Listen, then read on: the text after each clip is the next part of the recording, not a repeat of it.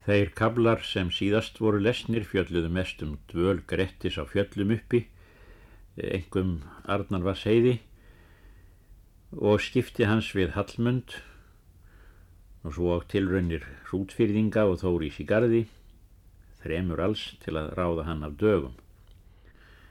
Síðar fór Grettir aftur til byggða og leitaði að ráði Þorsteins Kukkasonar fyrir sér á mýrum. 58. kapitúli Þá bjó í holmi Björn Hítdælakappi. Hann var Arngirsson, Bersasonar goðlaus, Bálkasonar er nam Hrútafjörð sem fyrr segir. Björn var höfðingi mikill og harðfengur og hjælt jafnan seka menn. Grettir kom í hólm og tók Björn vel við honum því að vinátt að hafði verið með hennum fyrri frændum þeirra. Grettir spyr ef hann vildi honum nokkra ásjá veita. Björn sagði að hann ætti svo sökkótt um allt land að menn myndu forðast bjargir við hann um það er sekt nemur.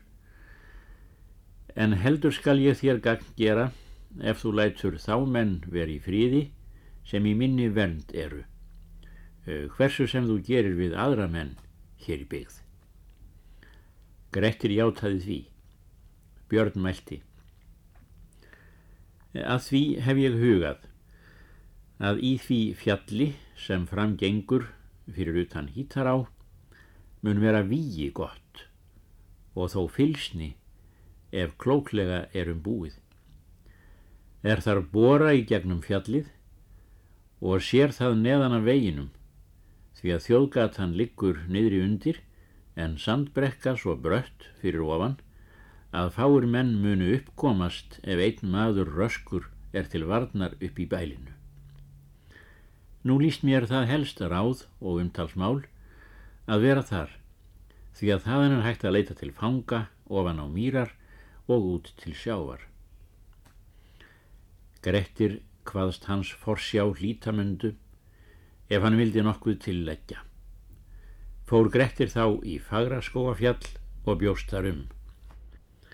Hann tjaldaði með gráu valmáli fyrir boruna á fjallinu og þótti sem þar sægi í gegnum neðan af göttónum.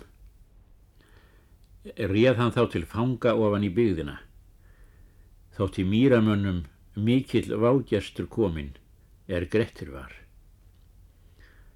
Þóruður Kolbeinsson bjóð þá í Hítarnesi. Hann var skáld gott. Í þennan tíma var fjandskapur mikill með þeim Byrni og Þóruði og þótti Byrni eigi verð en hálfu neitt, þar að segja honum líkaði ekki verð en í meðalagi, þó að Grettir gerði óspekt mönnum Þóruðar eða fjö. Grettir var jafnan með Byrni og reyndu þeir margan frekngleik og vísar svo til í sögu bjarnar að þeir kölluðust jafnir að íþróttum. En það er flestra manna ætlan að Grettir hafi sterkastur verið á landinu síðan þeir Ormur Stórólfsson og Þórálfur Skolmsson lögða af aflraunir. Þeir Grettir og Björn lögðust í einu, sé sindu, eftir allir í hítará ofan frá vatni og út til sjávar. Þeir færðu stjettir þær í ána er aldrei síðan hefur úrtekið, hvorki með vatnavöxtum, nýja ísalögum eða jöklagangi. Satt Grettir í fagraskóafjalli svo einn vetur að honum voru engar atfari gerðar en þó mistu þá margir síns fyrir honum og fengu ekki að gert því að hann hafði gott víi en átti jafnan vingott við þá sem næstir honum voru. 50. og 9. kapitúli Maður hitt Gísli, hann var sonur Þorsteins sem Snorri Góði létt drepa. Gísli var mikill maður og sterkur og afbörðamaður í vopnum og klæðum og gerði um sig mikið og nokkuð sjálf hælinn. Hann var siglingamaður og kom það sumar út í hvítá er Grettir hafði einn vetur verið í fjallinu. Þóruður Kolbeinsson reið til skips.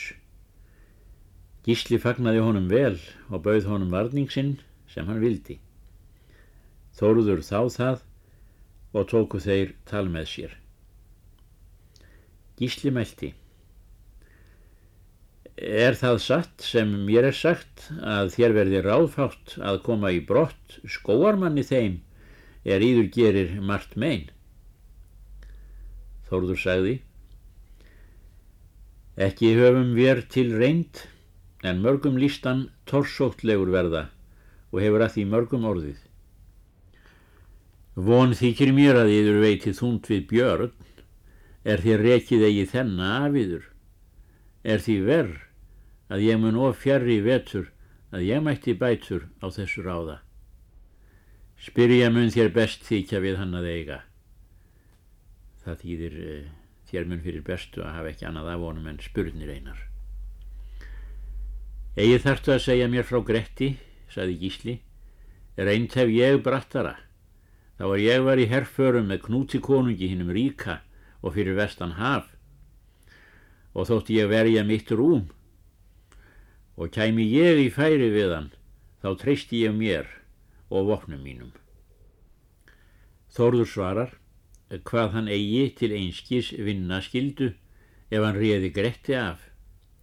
Er á meira félagt til höfuðs honum en nokkrum öðrum skóarmanni og voru áður sex merkur silfurs en í sumar lagði til þórir úr gardi þrjár merkur og ætla menn að sáminni nóg til vinna er lítur.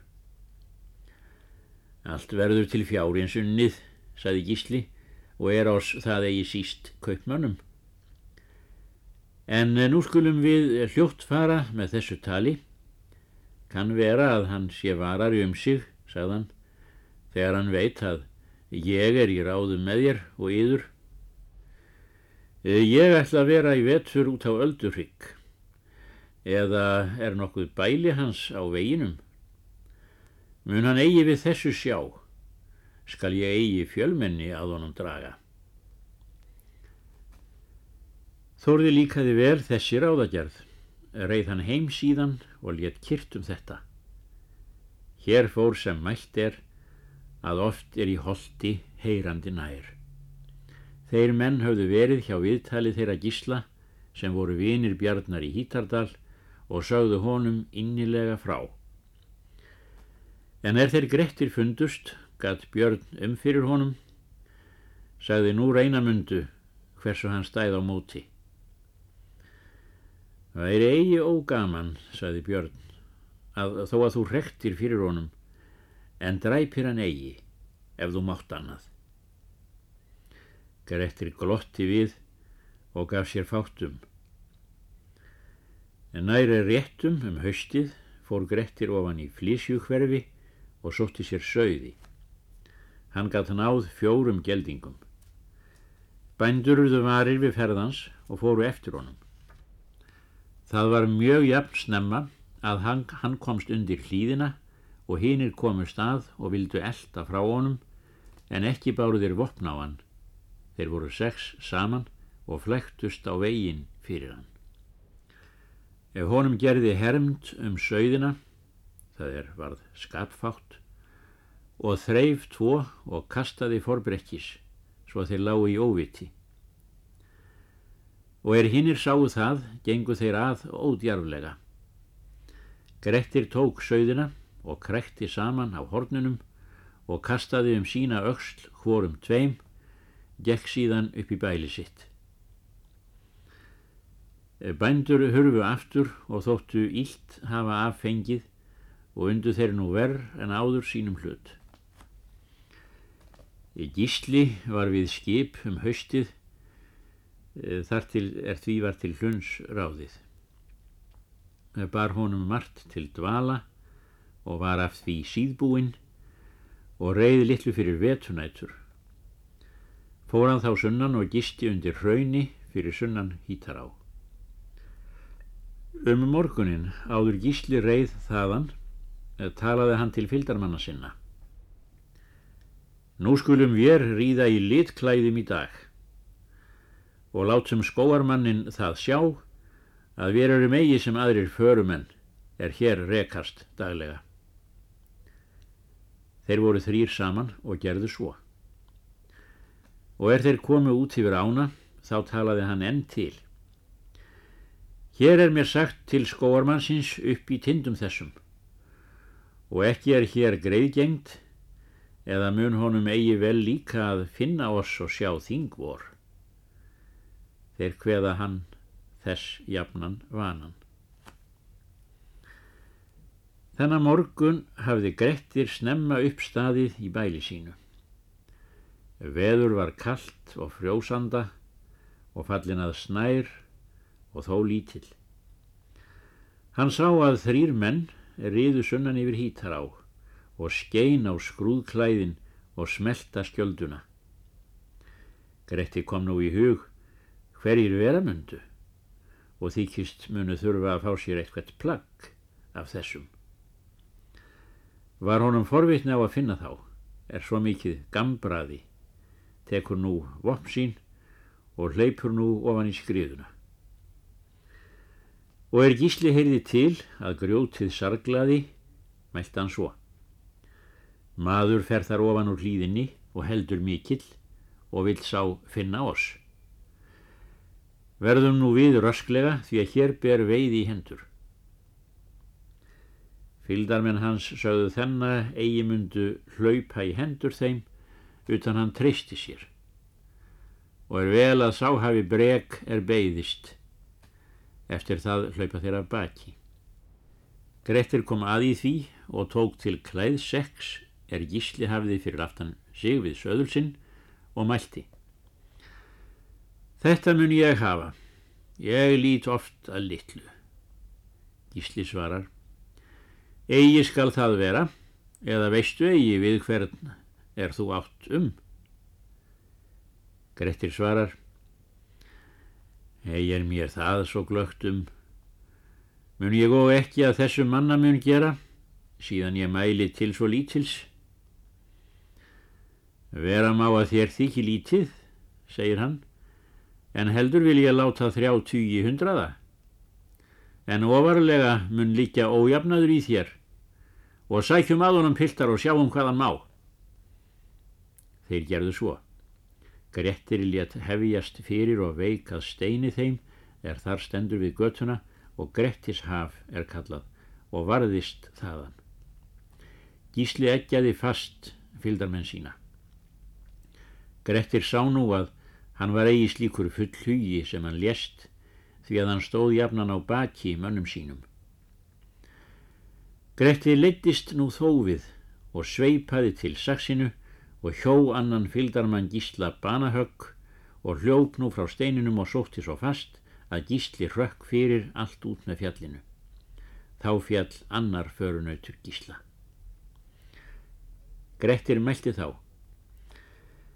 Það sér líkt á að þú hefur víða vel framgengið og illa skilst þú við þína félaga. Gísli svarar. Sá er eldurinn heitastur, er á sjálfum liggur og er ílt að fást við heljarmannin. Skiptust þeir þá fáum höggum við, áður en gísli kastaði vopnónum og hefur á rás undan út með fjallinu. Grettir gefur honum tóm til að kasta því sem honum líkar og í hvert sinn er gísli sér ráðrum til, kastaði hann einhverju klæði. Fór Grettir aldrei harðara eftir, en sund var í milli þeirra. Allt hljópu gísli út yfir fjallið og svo um þveran Kaldárdal og svo um Áslaugarhlýð og fyrir ofan Kolbeinstaði og svo út í Borgarhraun. Þá var gísli í línklæðum einum og gerðist nú ákaflega móður. Grettir fór eftir og var jafnan í hendingu með þeim. Það er að Grettir var jafnan í grípfæri. Hann reif þá uppu hríslu mikla, en gísli létti eigi fyrir hann kom út að haffjarðar á. Hún var gengin upp og ill yfirferðar. Gísli ætlaði þegar út á ána. Grettir snaraði þá eftir honum og greip hann og kendi þá aflsmönar rak Grettir hann þá niður undir sig og mælti. Ertu gísli sá er vildi finna Gretti Ásmundarsson. Gísli svarar, ég hef nú fundið hann, en eigi veit ég hversu við skiljum, haf nú það sem þú hefur fengið, en lát mig fara lausan.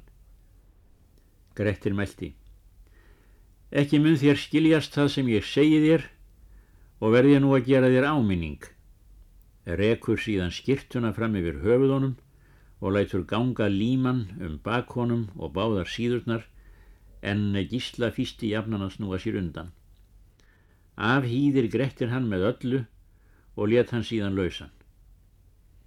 Hugði gísli það að fyrr, þar segja heldur, vildi hann ekki læra af gretti en hafa slíka flenging aðra.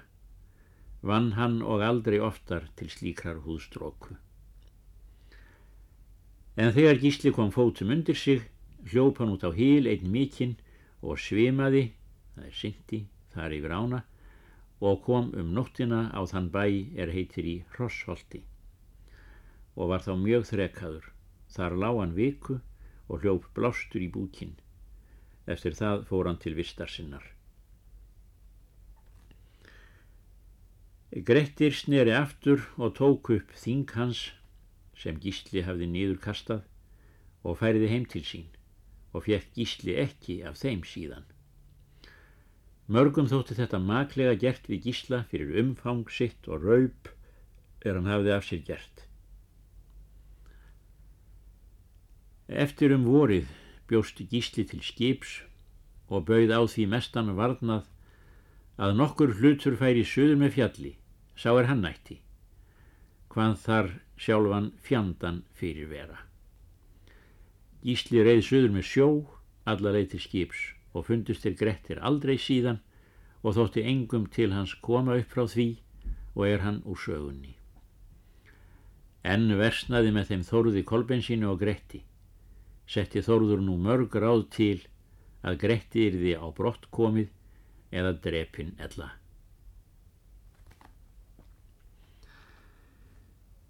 Sextugasti kapitúli Nú er Grettir hafði verið tvo vetur í Fagraskóafjalli og er hinn þriðji var komin, þá fór Grettir söður á Mýrar á þann bæ er í Lækjarbög heitir og hafði þaðan sex geldinga að óvilja þess er átti. Þaðan fór hann ofan til Akra og rak á brottu tvö nöyt til sláturs og marga söiði og fór upp fyrir sunnan hítar á. En er bændur urðu varir við ferðans gerðu þeir orð þórði á Hítarnesi og báðu hann fyrir bindast að ráða Gretti af. En hann fór undan. En við bænmanna fekk hann til Arnór, sonsinn, er síðan var kallaður Jarlaskáld, að fara með þeim og bað á eigiláta Gretti undan reka, voru þá menn sendir um alla byggðina. Bjarni hétt maður er bjóað jörfa í flísjúhverfi Hann sapnaði mönnum fyrir utan hítar á. Ætluðu þeir svo til að sínu megin skildu koma hórir flokkarnir. Grettir var við þriðja mann, hétt sá Eyjólfur er fór með honum, svona bónd á fagraskóum og var röskur maður og hinn þriðji maður með þeim. Þeir komu fyrst eh, Þórarinn frá Ökrum og Þorfinnur úr Lækjarbug og voru nær 20 menn saman. Grettir vildi þá leita út yfir ána. Þá komu þeir Þorgeir og Arnór og Bjarni utan að ánni. Nes mjótt gekk fram í ána þeim megin sem Grettir var. Hann rak fjöð í framanvertin nesið, þá er hann sá mannaföruna, því að hann vildi aldrei laust láta það sem hann fekk höndum ákomið. Mýramenn réðu þegar til atgöngu og letu gildlega. Grettir bað fyldarmenn sína að geima að þeir gengju eigi að baki honum. Egi máttu í senn allmargir að honum ganga, var þar hörð viðregn með þeim. Grettir hjó á tvær hendur með saksinu og var þeim eigi auðvelt að sækja að honum, fjallu þá sumir mýramenn en sumir uðu sárir. Þeir eruðu seinir utan yfir ána því að vaðið var eigi allnær. Egi höfðu þeir lengi barist áður en þeir hurfu frá. Þórarinn frá ökrum var gamal maður mjög svo að hann var ekki í aðsókninni. En er úti var bardaginn þá kom að Þrándur, sonur Þórarins og Þorgils Ingjaldsson, bróðursonur Þórarins og Finnbogi, sonur Þorgeirs Þórhattssonar úr Hítardal og Steinólfur Þorleifsson úr Hraundal Þeir eggjúðu menn mjög til aðsóknar. Gerðu þeir enn harða hríð. Grettir sá nú að annarkort var það að gera, flýja eða hlýfast ekki við. Gengur hann nú svo hart fram að engir heldust við því að svo var mannmart að honum þótti ósýnt til undankomunar utan að vinna sem mest áður en hann fjalli. Vildi hann og hafa þann einhvern fyrir sig er honum þótti manntak í vera. Hljóp hann þá að steinólfi úr hraundal og hjóð til hans í höfuðið og klauf hann í herðar niður og þegar annað högg hjó hann til Þorgils Ingjaldssonar og kom á hann miðjan og tók nálega í sundur. Þá vildi þrándur fram hlaupa og hefna frenda síns. Grettir hjóð til hans á lærið hægra svo að úr tók allan vöðvan og varð hann þegar óvígur. Eftir það veitti hann Finnboga mikinn áverka. Þá kallaði Þórarinn og bað þá frá hverfa, því að því verra muni þér af honum fá sem þér berjist lengur, en hann kýs menn úr liði í þar. Þeir gerðu svo og sneru frá. Þar voru fallnir tíu menn, en fimm sárir til ólífis og örkumla, en flestir höfðu skeinur nokkrar, þeir sem á fundinum höfðu verið. Grettir var ákálega móður, en lít sár. Leituðu mýramenn við þetta undan og höfðu fengið mikinn mannskaða því að þar fjallu margir röskvir menn en þeim utan yfir ána fórst seint og komu eigi fyrir en slitið var fundinum. Og er þeir sáu ófarið sinna manna, þá vildi Arnór ekki hafa sig í hættu og fekk hann mikið ámæli af föður sínum og mörgum öðrum. Ætla menn að hann hafi engin garpur verið. Þar heitir nú Grettis Otti er þeir börðust. En þeir Grettir tóku sér hross og ríðu upp undir fjall því að þeir voru allir sárir og er þeir komi í fagraskóa var Eyjólfur þar eftir. Þar var bóndadóttir úti og spurðað tíðindum. Grettir sagði af hið ljósasta og hvað vísu.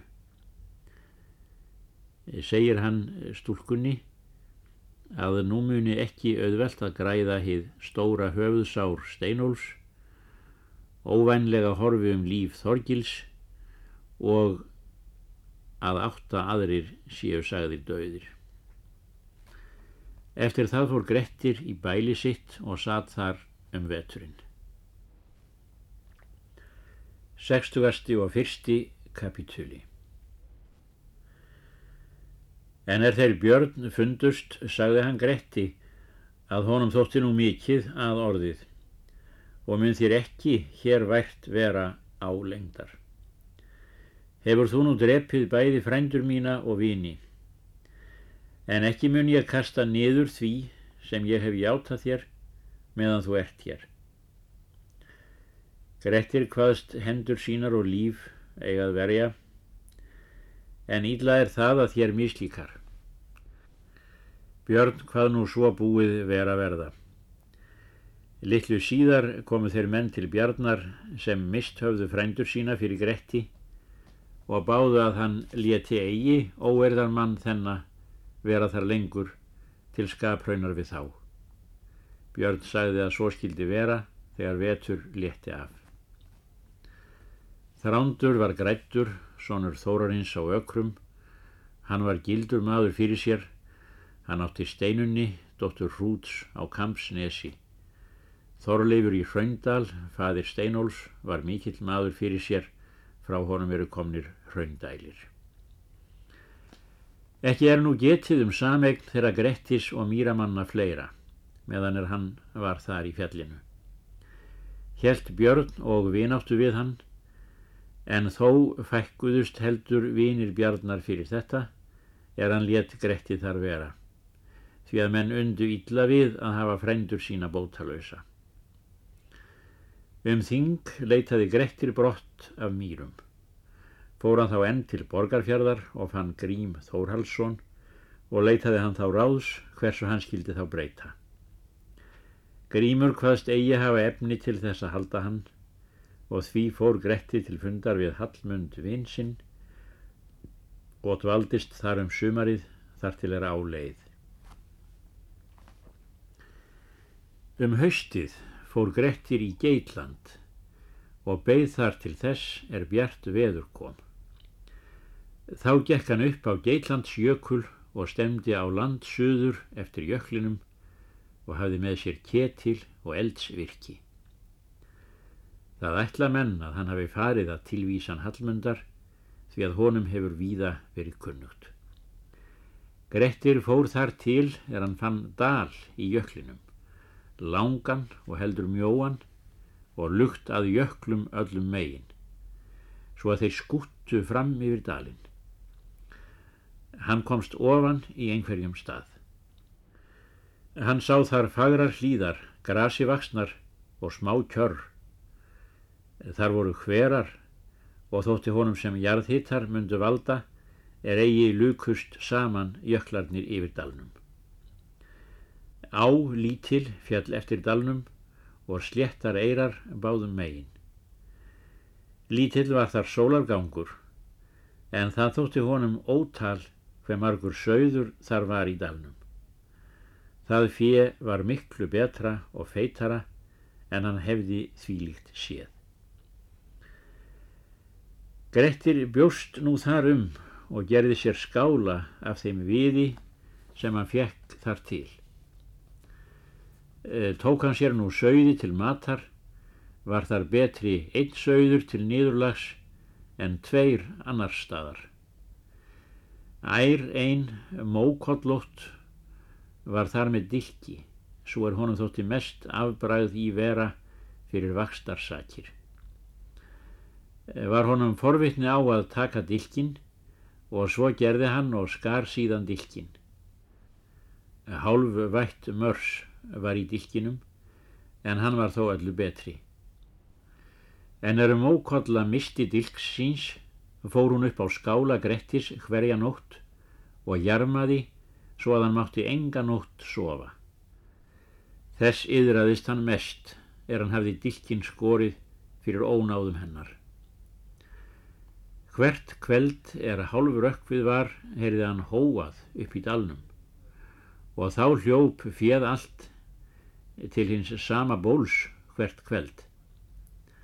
Svo hefur Grettir sagt að fyrir dalnum hafi ráðið blendingur, þurs einn sá er Þóri hétt og í hans trösti hafði Grettir þar verið.